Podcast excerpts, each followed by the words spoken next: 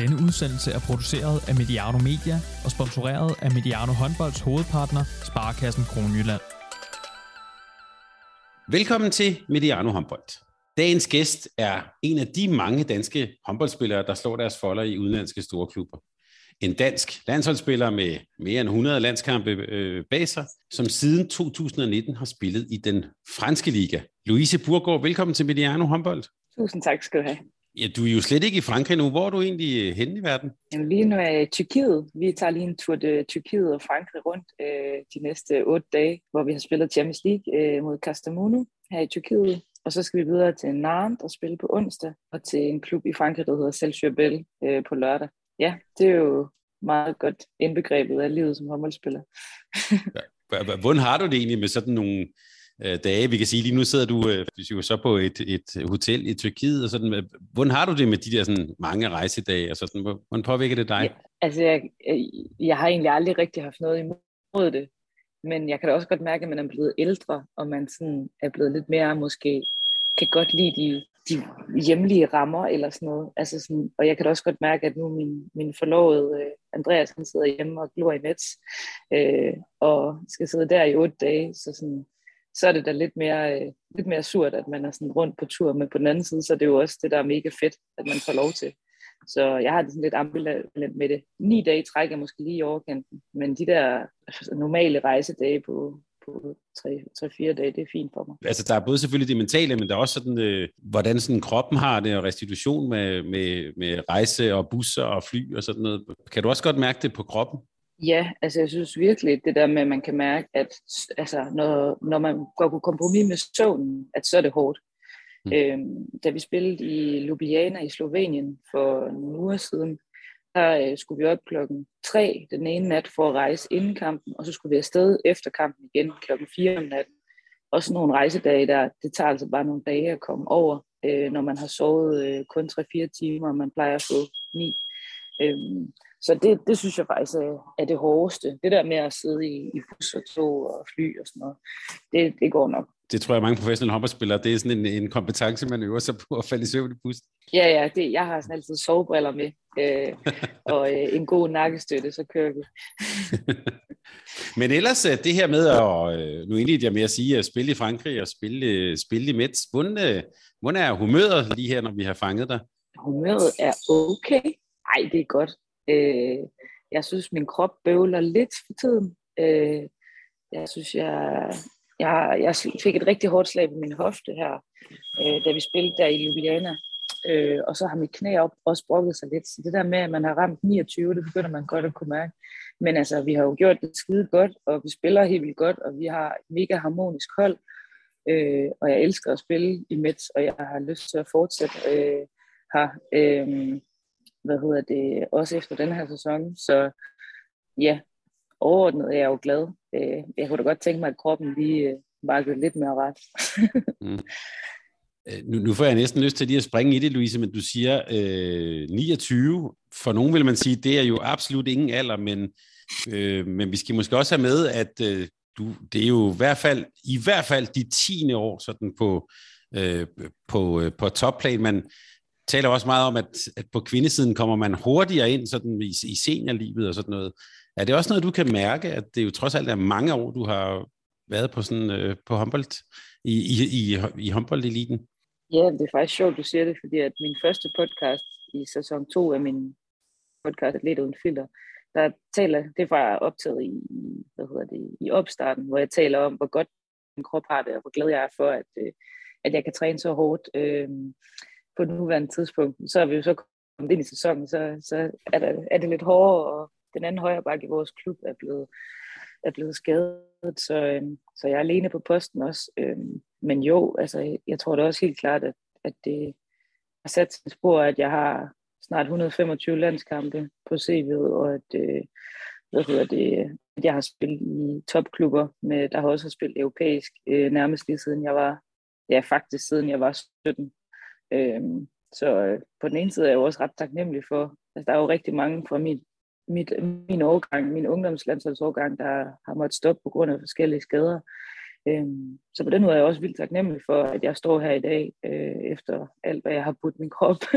mm. øhm, og jeg håber, at jeg kan holde mange år endnu. Øh, så, øh, så, og man bliver også klogere og bedre til at passe på den, og netop prioritere sin restitution og vide, hvad der virker for en. Og ja, altså du, nu, nu nævnte du selv din debut på landsholdet. Jeg slog det faktisk op. Louise, du har jo simpelthen spillet sammen med Line Rantala. Så, øhm, så, så langt tilbage i tiden er vi faktisk, hun stod på mål i din debutkamp. Øh, ja. Og tak fordi du var med i den her samtale. Vi bringer den jo sammen med Sparkassen Kroneland, som også er partner for, øh, for, for jer på, øh, på landsholdet, så også her er der sådan en, en, en god kobling.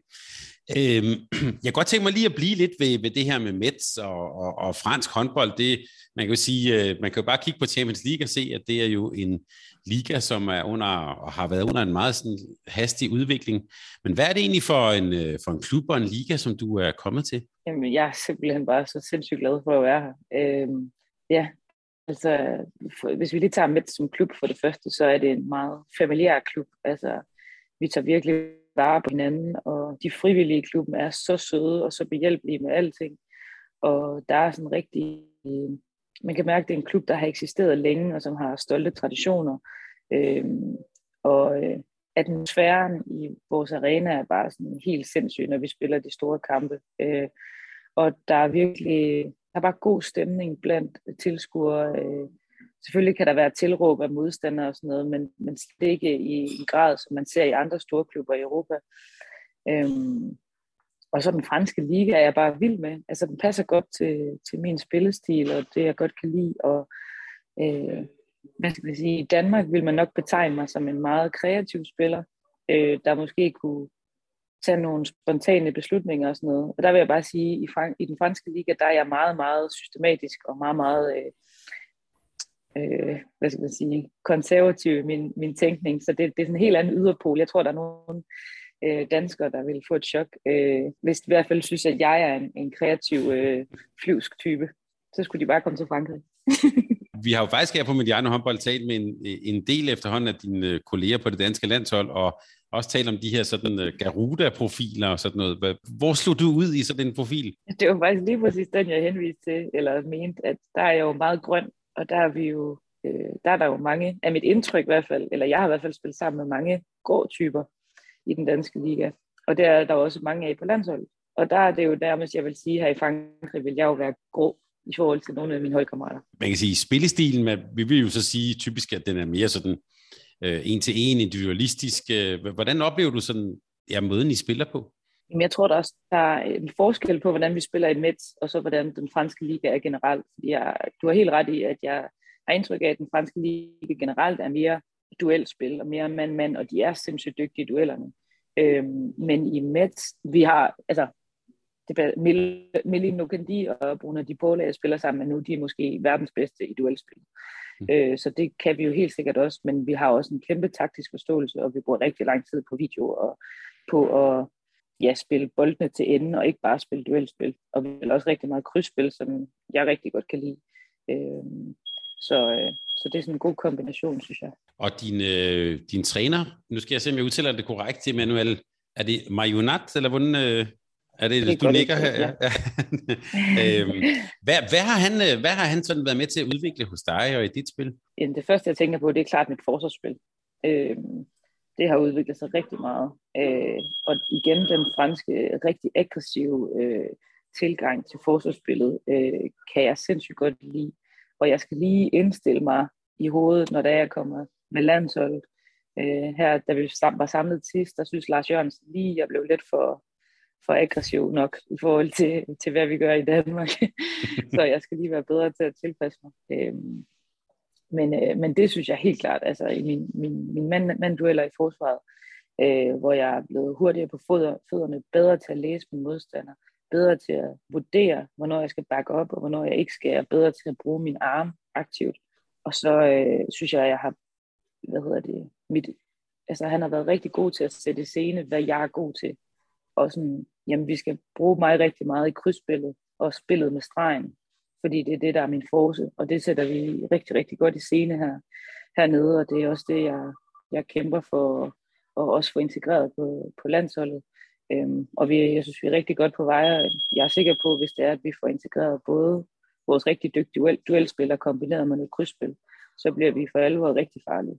Jeg lagde også mærke til, i forbindelse med den sidste landsholdssamling, der sagde du også noget til tv i stil med, øh, ja, lidt det du er inde på her, det her med krydsspillet, det er der, hvor du har en, en, en særlig rolle. Er, er I også på det danske landshold sådan mere tydelige med, at når Mette Trandborg er inde, så er det en type spil, når du er inde, er det en anden type spil. Er det også noget, I sådan har i talesat, den der rollefordeling? Det synes jeg klart, at Jesper og Lars i tale sætter rigtig godt, og netop, at vi skal spille et forskelligt spil, alt efter hvilke spillere vi har inde. Øhm, så, så ja, øh, og det skal vi blive endnu bedre til at få, få sat i spil. Øhm, når det er, at, at vi er på banen nogle gange, så altså, det er jo så, så svært nogle gange som landsholdsspiller, at man, man har så få dage og træningstimer sammen, så nogle gange kan det være svært at få, og netop der er ikke, der er ikke så mange i Danmark, i de danske klubber, der spiller det samme krydsspil, som vi gør hernede. Øhm, så på den måde kan det være, det kan være svært øh, at få integreret, øh, men jeg prøver. Men har du det godt med det der med, at der er sådan er, hvad kan man sige, faste rammer og klare roller? Er det, er det hvis vi skal have, hvis vi skal have Louise Burgård til at præstere, er det, så, er det så sådan, man skal gøre det? På den ene side har man jo, har jeg jo svært ved at blive puttet ned i en kasse med, det er det, du skal. Men på den anden side, så, så synes jeg jo også, på et landshold, der har man brug for det. Altså fordi det bliver nødt til at blive simplificeret endnu mere, fordi at det netop er altså få dage, vi har sammen, at vi bliver nødt til at tale nogle ting igennem, som man i en klub ellers ville kunne træne sig frem til. Øhm, så, så det har, der synes jeg faktisk, at Lars og Jesper har været rigtig skarpe.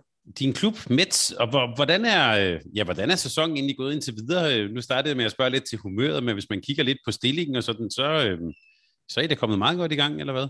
Ja, det vil jeg også sige. Altså, øh, jeg ved ikke, er det otte kampe nu, vi har spillet måske? Ej, mere. Vi har i hvert fald kun tabt til Gjør. Ellers har vi vundet alle vores kampe øh, både i Champions League og i, øh, i den franske liga. Så i den franske liga ligger vi på en del førsteplads sammen med Bourg de Péage, tror jeg. Ja. Så er det en klub der, hvad, altså, hvad er, han har sagt, hvad er selvforståelsen? Hvad, er det, hvad skal I nå på sådan en sæson her? Jamen, der er et mål, og det er at vinde den franske liga, vinde pokalturnering og komme i Final Four i Champions League. Altså, og endnu, endnu mere, fordi at vi jo øh, tabte mesterskabet sidste år til Brest i en forfærdelig finale kamp i Brest, hvor vi først havde vundet med syv i Mets, og så tog ned og tabte med syv og tabte på målscore øh, i Brest. Så øh, der er meget, meget høje forventninger til, at øh, vi skal tage det næste Og, og hvordan er, øh, det er jo naturligt at spørge, hvordan er sådan, øh, forholdet til Brest? Er det, øh, er det sådan en klassisk øh, rivalisering, eller hvordan?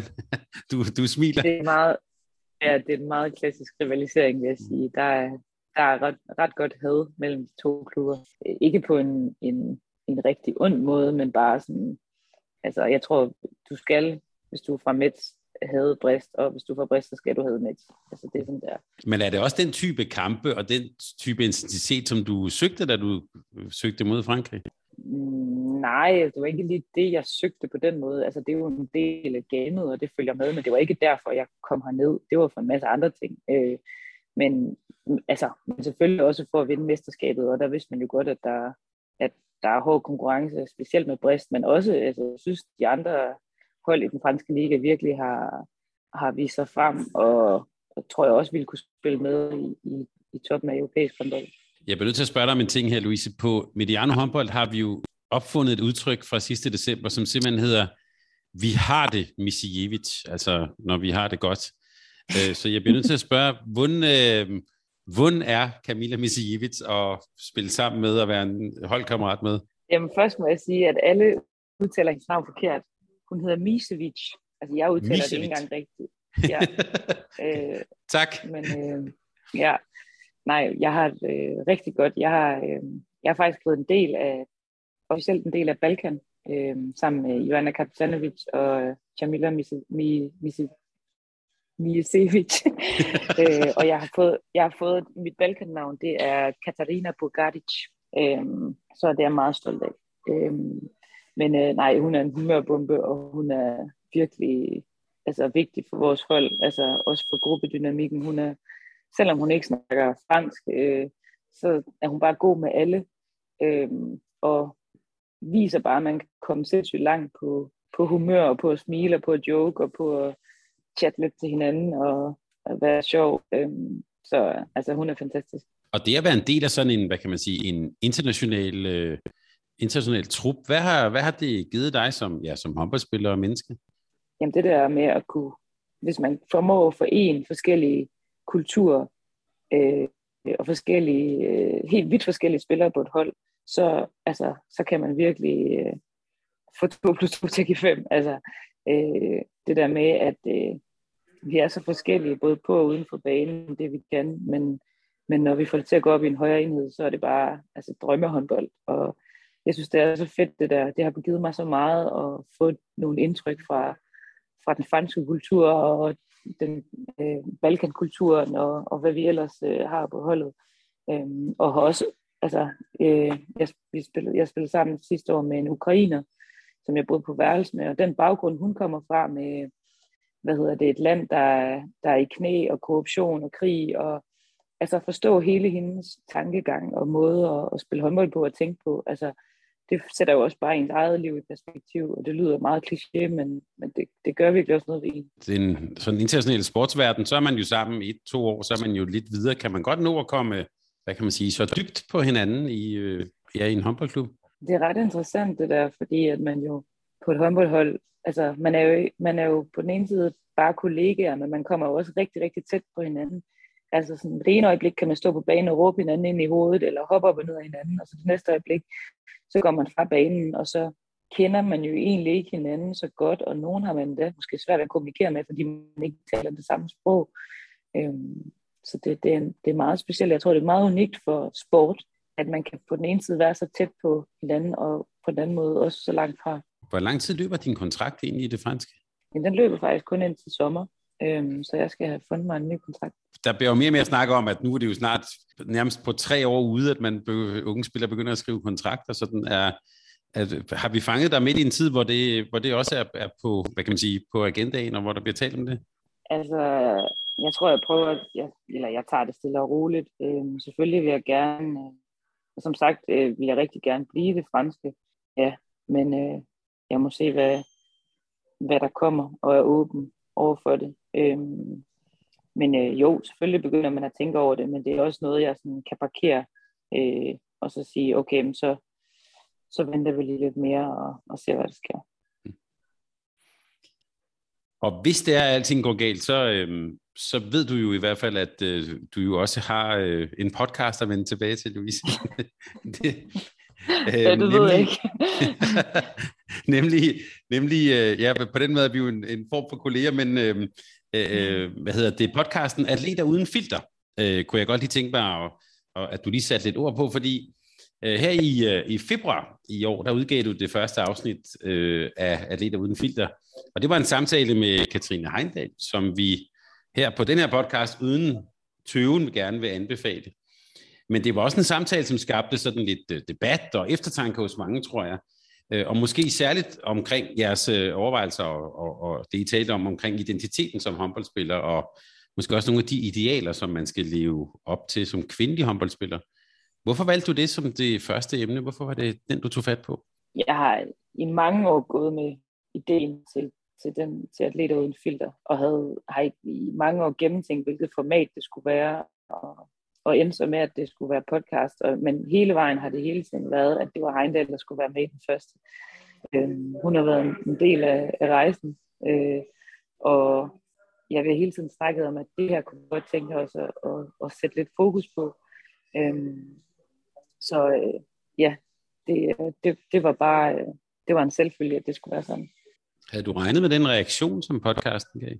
Nej, altså jeg havde håbet på det, men men altså, jeg, jeg er simpelthen så glad og stolt over det, som at, at jeg har formået at skabe noget, der har kunne inspirere så mange, og jeg har fået så mange fantastiske beskeder øh, øh, fra folk, der har, der har kunne se sig selv i det. Og jeg synes netop, at jeg manglede den, det talerør fra os øh, atleter selv, øh, som man ikke ser i medierne. Øh, og selvfølgelig også, når altså folk er jo også ærlige, når de snakker med dig, men det her med at snakke atlet til atlet, og man har bare en forståelse for hinanden, som man ikke finder andre steder, fordi der er ikke andre, der har de samme udfordringer, og som 100% kan sætte sig ind i, hvordan det er. Så, øh, og det følte jeg i hvert fald selv, jeg kunne have brugt som ung, at der var nogen, der måske kunne tage mig lidt i hånden og sige, det her det er helt normalt, eller jeg forstår fandme godt den der udfordring.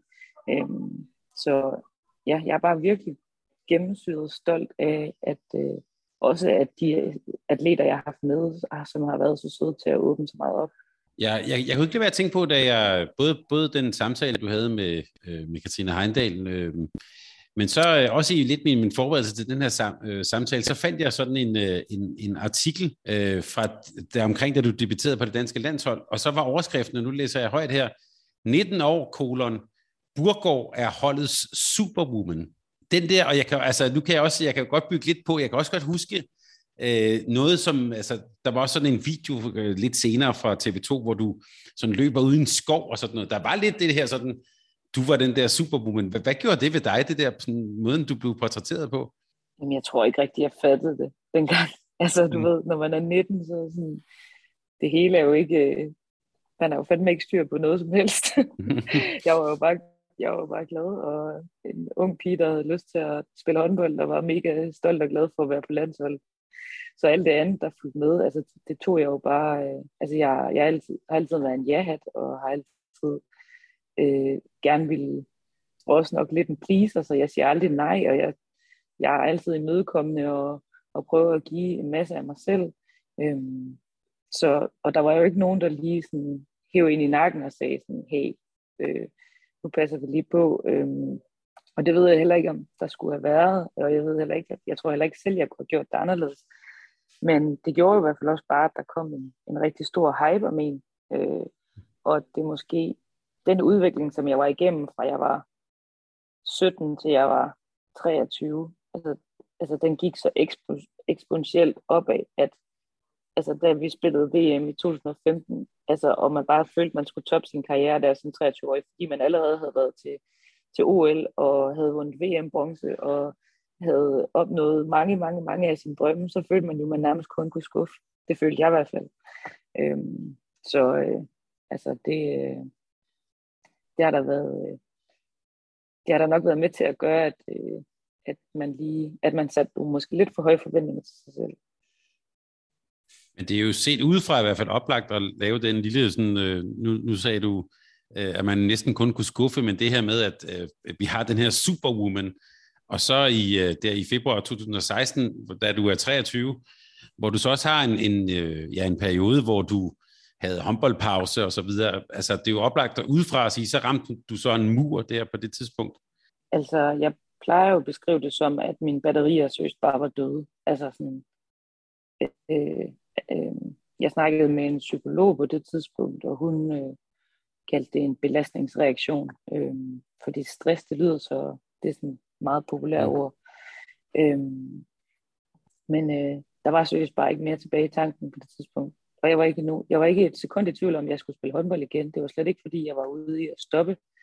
Men i, i den periode, altså der er mange ting, jeg ikke kan huske, som jeg tror, jeg har fortrængt, fordi jeg simpelthen bare var mentalt ude et sted, hvor jeg ikke kunne bunde mere. Øhm, og der var nogle tidspunkter, hvor jeg bare ikke kunne kende mig selv på banen mere, hvor jeg kunne huske en træning i IKAST, hvor jeg bare sådan stopper op midt i en øvelse og bare sådan helt, helt væk. Altså sådan, og bare, ja, og kæft, der blev grædt mange tårer, og, og øh, tank, tænkt mange tanker omkring, hvad fanden der var galt med mig. Øhm, at jeg kan huske, i starten, der, der havde jeg læst en artikel om en, en uroer, der var i overtræning, og han havde lidt af de samme symptomer med at være mega træt, og have mega ondt i kroppen, og ondt i maven, og hukommelsesbesvær, og mange af de symptomer, jeg selv havde. Så det var det første, jeg troede. Det må være det. Øhm, men lidt efter lidt, altså, ja, og det er også, ja, hvad, hvad er det? Er det stress, eller hvad er det? Altså, er det udbrændthed? Jeg var i hvert fald bare øh, brændt ud for en, for en stund. Skulle der også have været nogle voksne, der tog lidt ansvar på dine vegne? Altså, det er jo, altså, ja, se hende her, hun er superwoman og fantastisk og sådan noget. Jeg, jeg, kan, jeg kan ikke lade være at tænke på, om der rent faktisk var nogen, der burde lige have taget noget ansvar undervejs, eller hvordan tænker du, når du ser tilbage på det? Det ved jeg ikke, for jeg er jo også en meget ekstrovert type, som også netop, altså, jeg får også energi af at altså sådan, snakke med folk og give noget af mig selv og sådan noget, men, men man kan sige, selvfølgelig var det nok for meget i en eller anden grad. Jeg kan også huske, at Jan Pytlik, som var, var landstræner på det tidspunkt, han prøvede lidt og sådan, nu skal vi også lige, og det ene og det andet, men jeg tror bare, det er en generel tendens, som jeg, prøver, jeg rigtig gerne vil prøve at gøre op med i dansk håndbold, med at altså, du skal ikke færdig i pæren, når det er, du er 19. og, mm. sådan, og, og hvad hedder det, ja, at vi skal bare passe på med at tage, altså at de unge talenter bliver for resultatfokuseret for tidligt. Fordi at, altså, jeg har altid været enormt udviklingsorienteret, apropos den grønne Garola-profil. Mm. Og jeg, altså jeg er måske ikke, der er jeg måske lidt atypisk som atlet i forhold til, at sådan, selvfølgelig kan jeg godt lide at vinde, men jeg elsker faktisk rigtig meget hverdagen, og det her med at gøre sig bedre og øve detaljerne. Øhm, måske nogle gange mere end det, øh, det jeg får energi af i kampene. Øhm, så på den måde, så har det måske, så har jeg også taget nogle dårlige valg i min karriere i forhold til at vælge nogle klubber øh, tidligt i min karriere, hvor det handlede rigtig meget om resultaterne, rigtig meget om at spille med europæisk og med i den toppen af danske. Så den vil jeg også gerne tage på min kappe. Øhm, men jeg synes helt klart, at vi skal være bedre i dansk håndbold til at passe på de unge talenter ved at holde et udviklingsfokus for dem og have tålmodighed. Så hvis du nu tænker på, ja, øh, jeg skal ikke nævne nogen navn her, men der kunne jo godt være nogen på vej, som også nogle gange får lidt det samme skudsmål, som du selv fik dengang. Hvad, hvad vil være dit bedste råd til sådan nogle unge kvindelige håndboldspillere, der er på vej frem? Altså jeg kan jo kun tale ud fra, hvordan jeg selv øh, var som type. Øh, og der vil jeg nok sige, hvis jeg skulle sige noget til mig selv dengang, så var det at øh, fokusere på få ting. Altså jeg vil gerne være god til alt. Jeg vil gerne være Karabatis, der var stærk og øh, tung i duellerne. Jeg vil gerne være Balic også, der var finurlig og lagde bag om ryggen i indspil. Jeg vil også gerne være øh, Katrine Fruelund, der øh, fightede og var totalt øh, øh, vild på den front. Øh, jeg ville være så mange ting, og jeg havde måske svært ved faktisk at se, hvad min forser var. Så på den måde endte jeg måske med, der er mange ting, hvor jeg tænker, at som jeg selvfølgelig stadig prøver at at sætte mere finish på, men der er mange ting, hvor jeg tænker, sådan, det ville jeg fandme gerne have været skarpere til, da jeg var yngre, og at jeg fik virkelig finpudset nogle ting i mit spil, øh, så jeg blev endnu skarpere på at være en, en type spiller. Ikke at sige, at man ikke kan øve alt muligt andet, men, men jeg tror, det der med at, at faktisk få virkelig, hvordan ligger du den rigtig gode aflevering? Hvordan arbejder du med dit hopskud? Øh, hvordan ligger du din finte? Altså sådan, de der ting vil jeg have, have, have finpudset meget mere i mine unge år. Ellers vil jeg sige, det var jo ikke de værste forbilleder, du havde, eller idealer. men, men, øh, nej, nej, men de stikker jo lidt i hver sin retning, kan man sige. Ja, ja. Nå, men jeg tænker, en blanding af dem, så er man meget godt kørende. Og så ovenikøbet også med venstre hånd. Ja, det, øh, så har du lagt et, noget yderligere på. Øh, men jeg tænker, det, det, det forløb, du var igennem, eller øh, det, de flade batterier, som du, som du nævner, det der, hvad, når du ser tilbage på det nu, hvad har du lært af det? Hvad har det givet dig? Jeg synes altid, det er svært det der med, hvad, det, hvad jeg har lært, fordi at, altså sådan, alles liv har jo op- og nedture. Og det behøver ikke altid være, at man har lært en masse, fordi man har haft en nedtur. Øh, så det vil jeg faktisk gerne sådan, prøve at gøre lidt op med, at sådan, det skal ikke bare være sådan, nu er jeg kommet ud som et nyt menneske, fordi jeg har haft en nedtur. Nej, det er naturligt, og det behøver ikke altid øh, øh, give en eller anden fordel, at man har haft, øh, at man har været nede i et hul. øh, det kan også bare have været surt. Men selvfølgelig, selvfølgelig har jeg, har jeg, er jeg blevet bedre til at lytte til mig selv og lytte til min krop, og jeg er blevet bedre til at restituere og bedre til at slappe af, når jeg skal. Øh, hvor jeg tidligere ikke gav mig selv lov til at give slip øh, og se en serie, eller øh, sove ni timer, fordi at jeg tænkte, at jeg skal jo lave mental træning, eller jeg skal jo lave noget frivilligt arbejde, eller øh, øh, hjælpe med noget sponsor, halløj, eller et eller andet. Øh, og der er jeg blevet bedre til nu at sige, det er okay at være håndboldspiller, og det er et, et hårdt nok arbejde i sig selv. Øh, og, øh, og det er det, jeg skal fokusere på. Tak, Louise. Det var, øh, jeg tror også, Svend Brinkmann ville have sagt sådan til mit spørgsmål om, hvad du har lært. Det, det. Så, så, det, det var... faktisk rigtigt. Det var, det var meget hans ideologi. Det er faktisk rigtigt. Uh, ja, det må du undskylde. Ja, men det, jeg, jeg, jeg, jeg kunne godt lige tænke os, at vi bevæger os lidt i retning også af det her med at spille lidt på det, på det danske landshold, og du er jo ind på, det var du ret tidligt i gang med. Men, men før det, Louise, øh, hvornår opdagede du egentlig, at du var god til håndbold? Altså, jeg har jo skrevet i min venindebøger lige sådan jeg var, ja, jeg ved ikke, hvornår kunne man begynde at skrive, 8-9-10 år eller sådan noget, at jeg ville være øh, øh professionel håndboldspiller. Øh, og det var min største drøm, så det har jo været noget, jeg hele tiden har gået efter. Og der har jeg haft rimelig meget skyklapper på hele vejen, og det var bare det, jeg skulle. Og studievejlederen spurgte sådan, det er meget godt at have en plan B, og det har jeg også haft. Jeg har altid været god i skolen, og jeg har også øh, taget en, en uddannelse og så videre. Men det har altid været håndbold. Der har ikke været nogen tvivl. så det har jeg nærmest vidst lige siden, at jeg sad i, i hallen med, med min pixiebøger og så min mor spille, da, da jeg var helt lille. Men, men hvor, hvor kom det der fra? Var det altså sådan en, en, en tidlig drøm? Hvor, hvor kom den drøm fra? Jamen, jeg tror meget, at det der med min mor, hun spillede. Øh, hun spillede i, i Team Esbjerg, øh, og også, altså spillede første division, da det var det bedste. Og så tror jeg bare, at, øh, at vi er jo mange unge piger, der er vokset op i, i nullerne, hvor det var et landsholdet vandt en masse ting, og jeg husker, hvad hedder det, OL i 2004 i Athen, øh, hvor det var, at vi var på en campingplads øh, et eller andet sted i Italien, hvor vi så, øh, hvor vi så øh, finalen på en lille bitte skærm øh, tidligere om morgenen, eller sådan.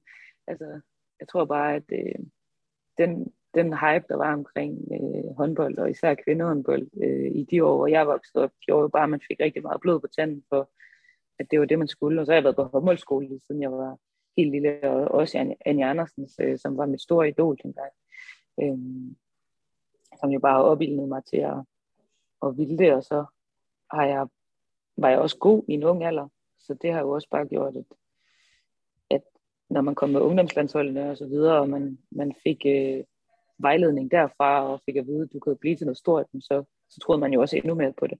Hvad er din reaktion på, at Anne Andersen ikke var blandt de otte, der var med sådan i slutningen af det her det, øh, Dansk Idrætsforbunds største, største navn nogensinde? Gud, det så jeg slet ikke engang. Det er faktisk ja. en fejl. Men øh, jeg synes jo helt klart, at hun har været med til at revolutionere håndbold. Altså, både med hendes øh, attitude, øh, men også med, med hendes, øh, hendes tilgang til, øh, til fuck janteloven og til at, at, at prøve nogle ting af og være kreativ og tage bolden under armen og, og bare køre på. Øhm, så, så det synes jeg, der er ærgerligt. Jeg synes, hun, hun fortjente den hedder. Jeg kan sige til lytterne, at øh, vi har forberedt et længere rant omkring det. Men øh, ja, for det, det kunne vi heller ikke helt forstå, at hun ikke var, var, var, var blandt Nej. det. Men, men det der med at, at, at se op til de der øh, ja, 2004 og måske også lidt før Jernhård Ladies og sådan noget, Hvordan, hvordan er den, øh, altså nu er, nu er du så på det kvindelige landshold, og det er jo også en arv, som måske, ja, han har sagt, forfølger jeg lidt, eller hvad? Hvordan ser du på det nu? Ja, det har du helt ret i. Jeg kan huske der i 2012 til OL, at der var der virkelig pres på os. Altså, jamen, I har jo vundet OL tre gange før, og sådan, ja, det var så ikke os.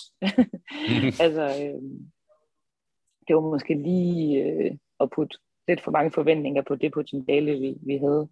Øh, og konkurrencen, altså nu ved jeg jo ikke, jeg spiller jo ikke tilbage i 90'erne og 0'erne på den måde øh, øh, på så topplan, men jeg har også indtryk af, at, at niveauet generelt, altså konkurrencen blandt de forskellige lande og de forskellige ligaer er blevet enormt høj, og det fysiske niveau og øh, tekniske niveau og mentale niveau har, har udviklet sig sindssygt meget, så, så jeg, jeg tror da også på, at, det, at konkurrencen er blevet hårdere, og det er sværere at vinde Øhm, så øh, jo, men det har da været svært, og der er jo en kæmpe respekt om den generation. Det skal der også være.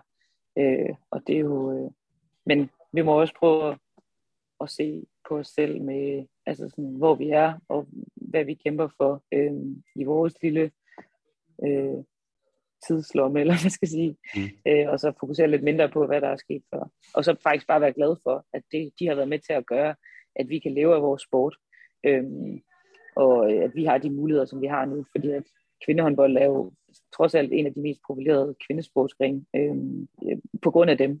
hvis man nu bare tænker tilbage på den her dokumentar, Et landshold i knæ, da jeg tændte for den første gang, det første blik, man ser, det er jo nogen, der løber rundt i Atlanta, så tænker jeg, here we go again. Altså, det er lidt, det, det er lidt sådan, øh, man kan aldrig rigtig blive fri for det. Øhm. Jeg vil også sige, at øh, den der titel, den var måske ikke, den var der ikke enighed om, tror jeg, fra øh, Dansk Håndboldforbunds side. jeg synes, at dokumentaren egentlig var, altså sådan, de var jo, dem der optog var, var rigtig søde og rigtig, øh, altså objektive i den måde, de gik til os på og alting. Så på den måde, så synes jeg jo ikke, at det, det var jo både kritisk, men også viste os først fra en god side, men så er det jo klart, at når titlen er, som den er, så er det jo den vinkel, man tager på det hele. Hvordan var det at, at, at, se den for dig? Jamen, vi så den faktisk sammen med landsholdet, og det var, da, det var svært. det var hårdt. Det var hårdt at se det hele øh, fra Japan igen, øhm, fordi det var sådan en rutsjebanetur. Øhm, og ja, det er bare vildt, de der slutrunder. Man, man føler, man, men ellers med et år på de der to uger, eller hvad, hvad, hvor længe det var, fordi hold kæft, man når at gennemleve mange forskellige følelser, og ja, det er helt vildt. Og, og lige om lidt, Louise, så kommer jeg jo til at spørge dig om, og nu skal du snart til det igen, men det tager, venter vi lige et øjeblik med. For jeg tænker, her for nylig, det nævnte du selv, der havde bare I jo afsted øh, med to kampe i EM-kvalifikationen. I var en tur, et smut på Færøerne og spillede også mod Østrig i, i Horsens. Hvordan, øh, ja, han har sagt, hvordan var fornemmelsen, da I, da I skiltes efter de to kampe? Jeg havde virkelig, virkelig en god fornemmelse efter den samling. Altså, jeg var virkelig, virkelig glad og følte mig så godt tilpas øh, på, på vores landshold, og også personligt netop, fordi jeg følte, at, at vi også spillede et spil, som, som passede til mig, hvor øhm, til EM i Danmark, altså mega stolt af, at vi nåede øh, hvad hedder det, semifinalerne. Øh, og, og jeg har fuld respekt for, at øh, Jesper og Lars valgte at gøre, som de gør, fordi at netop vi kendte ikke hinanden så godt, og det er bare nemmere at spille, sætte et duelspil op, øh, end det er at finde noget timing i, i noget krydsspil med, med folk, der måske ikke kender hinanden så godt og er så vant til det. Men, øh, men øh, jeg, jeg kunne, man kunne godt føle, at man blev lidt en tilspiller.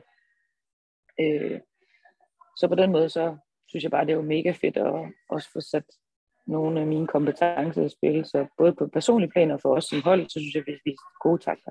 Set udefra til, øh, øh ja, til, til, til, til EM i, øh, midt i pandemien, der så det ud som om, at, at Jesper Jensens sådan mission var rigtig meget at gøre det enkelt og, og simpelt, og sådan, øh, øh hvor, sådan så det i hvert fald ud udefra, og der var også det her med, at vi skal ikke spille stregen, øh, for det, det, vi laver nogle fejl, og sådan, øh, det var heller ikke mange bolde, din gode veninde Katrine Heindal fik der. Hvordan var det? Var, var det virkelig sådan det her med at, at starte lidt forfra og starte med det, sådan, det helt enkle? Ja, ja, det tror jeg. Øhm, ja, og det kom vi jo også sindssygt langt på. Øh, men jeg tror også, at netop, altså, det var en rigtig, rigtig god start, og måske en bedre start, end vi havde forventet, øh, med en ny ledelse og det hele. Øh, men vi er jo også alle sammen bevidste om, at der skal bygges mere på, øh, hvis det er, at vi skal tage det næste skridt og altså, vinde en medalje. Øhm, og det synes jeg, der er, ja, der er en stor øh, forståelse og respekt omkring. Og nu, øh, nu talte vi jo øh, lige om din kroatiske holdkammerat her. Den, den, den bronzekamp der, hvad, hvordan tænker du om den sådan lidt på afstand? Ja, den har vi evalueret meget på. Øhm, ja, det værste er jo, at altså sådan, den, der, den der fornemmelse af, at man, man jo godt ved, Ja, det der med, at man bliver bange for at tabe, mere end lysten til at vinde, tror jeg, vi blev på en måde ramt af. Ja, og det, det sidder så hårdt. Øh, det er så hårdt øh, at snakke om, og, og for, fordi at det, er så, det er på en måde meget skamfuldt, at hvorfor fanden kan vi ikke bare, altså, hvorfor kunne vi ikke have taget dem, og hvorfor kunne vi ikke have spillet bedre, hvorfor kunne vi ikke bare have gået mere mod mål, og altså, hvad fanden skete der? Øh, og det er jo også bare sport nogle gange, at nogle gange kan man ikke altid forklare det. Og vi har selvfølgelig rigtig meget prøvet at øh, forklare det, og hvad skete der for netop at forstå og kunne gøre det bedre til næste gang. Og det har vi arbejdet rigtig meget med på landsholdet, øh, både fælles og individuelt, øh, vores mentale kapaciteter. Øh, det håber jeg og tror, at vi er blevet bedre til. Og nu tror jeg ikke, det nu skal være nogen hemmelighed, at øh, vi er jo en del, der, der rigtig gerne vil se, at det, at det går jer godt. Hvad er det, I skal, hvad er det, I skal lægge på her frem mod, øh, mod december-slutrunden i Spanien? Jamen, øh, kynisme. mm. Det er jo det, vi har arbejdet meget med. Øh, det her med, at øh, når det er, at vi kommer under pres, øh, hvordan er det så, vi reagerer? Hvad kan vi selv gøre øh, for at stadig leve op til vores værdier og den, vi gerne vil være som håndboldspillere? Og hvad kan vi gøre for at hjælpe hinanden? Øh, både med hjælp af Garuda-profilerne, men også øh, ja, ved at kende hinanden øh, bedre, og hvad jeg kender måske, hvad Heindal har brug for, hun ved, hvad jeg har brug for, men, men, men øh, det kommer også med tid sammen, og, og så mange landskampe har jeg trods, ikke haft, trods alt ikke haft med, med Rej, øh, eller med, med Mie, eller med Chris, øh, Christina Jørgensen, så, mm. så jeg tror også, det, det kommer også med rutinen sammen. Men det der, altså jeg hørte dig sige ordet kynisme, var det, var det rigtigt hørt? Ja.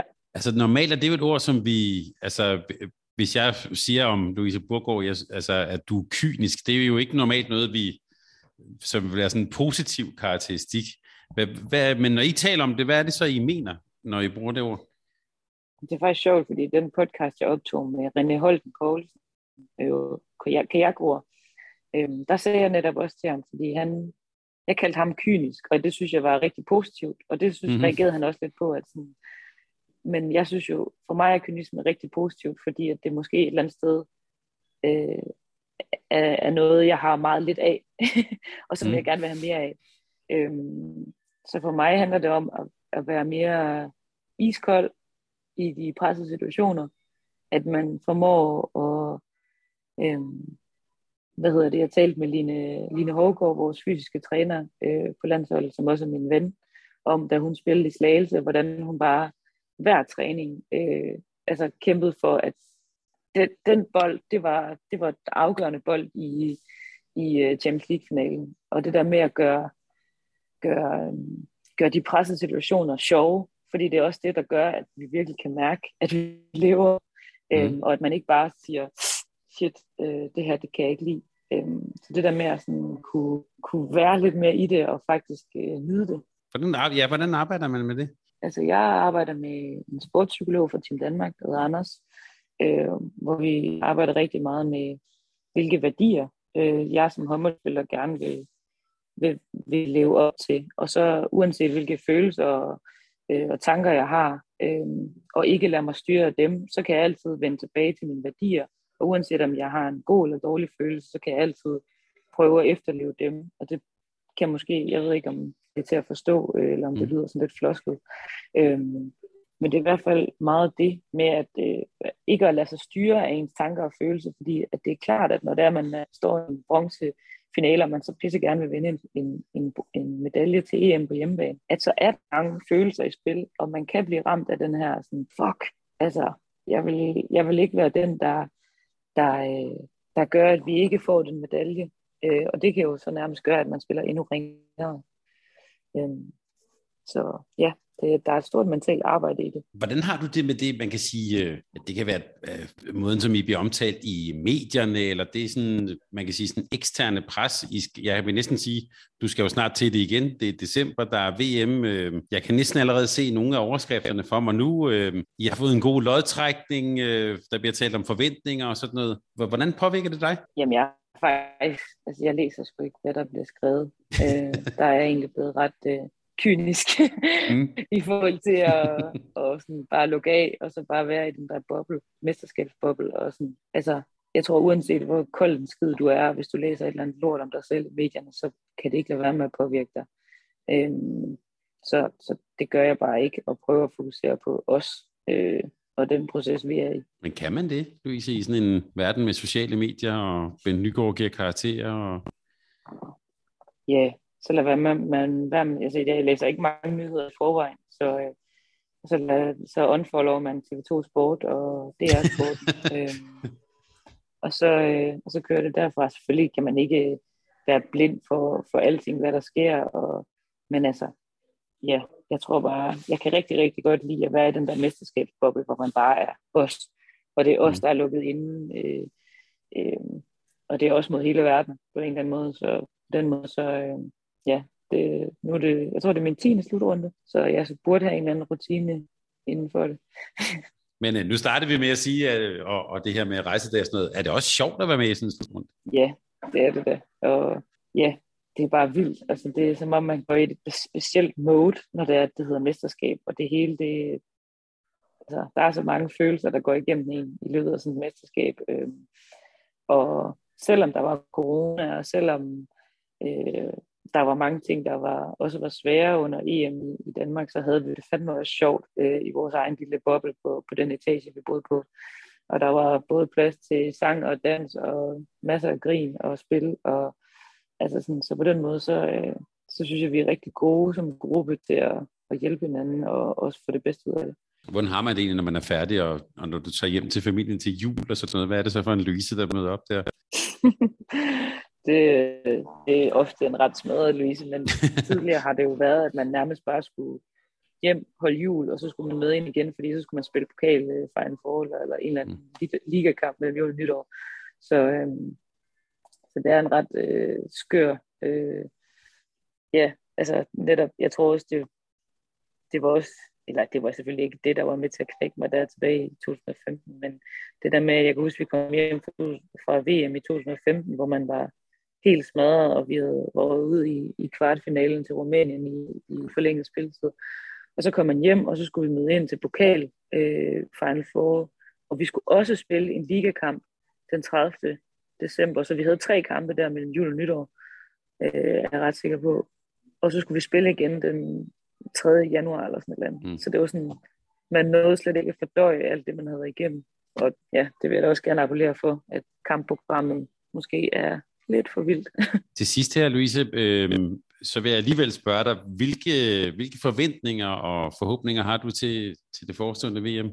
Jeg prøver så godt som muligt ikke at være super resultatfokuseret, øh, men at fokusere på, og det lyder, det er selvfølgelig træls at høre, øh, men at, at fokusere på, øh, vi skal som hold, og rigtig meget på det mentale, øh, og at vi, at vi har styrket os der, og så, øh, ja, så må vi se. Jeg vil sige, jeg, jeg, jeg synes ikke, det var skuffende at høre. Det er, det er noget, vi også har talt en del med ligatræner om, og sådan det, det perspektiv, du lægger der. Så det synes jeg ikke var mærkeligt. Men øh, okay. vi vil i hvert fald... Øh, vi vil i hvert fald på alle mulige måder krydse fingre for jer op, øh, op mod VM. Louise Burgård, tak fordi du vil være med her på Mediano håndbold. Tusind tak, det var en fornøjelse. Og så vil jeg øhm, øh, selvfølgelig lige slutte af med lige at anbefale øh, dels din podcast, og øh, også lige sige tak, fordi at du øh, med din sådan, øh, jeg vil næsten sige åbenhed og sårbarhed også fortæller om dine erfaringer. Det tror jeg, at øh, der er mange, der vil kunne øh, have glæde af, af at lytte til. Så tak for det også, Louise. Tak fordi du lyttede til en podcast af Mediano Håndbold. Hvis du kunne lide udsendelsen, så husk at abonnere på Mediano Håndbold, der hvor du hører podcasts. Så får du den seneste udsendelse serveret direkte til dig. Du må gerne fortælle dine venner om os, og husk at følge os på Facebook, Twitter og Instagram. Mediano Håndbold kan lade sig gøre, takket være Sparkassen Kronjylland. Vi har gået hånd i hånd siden foråret 2018.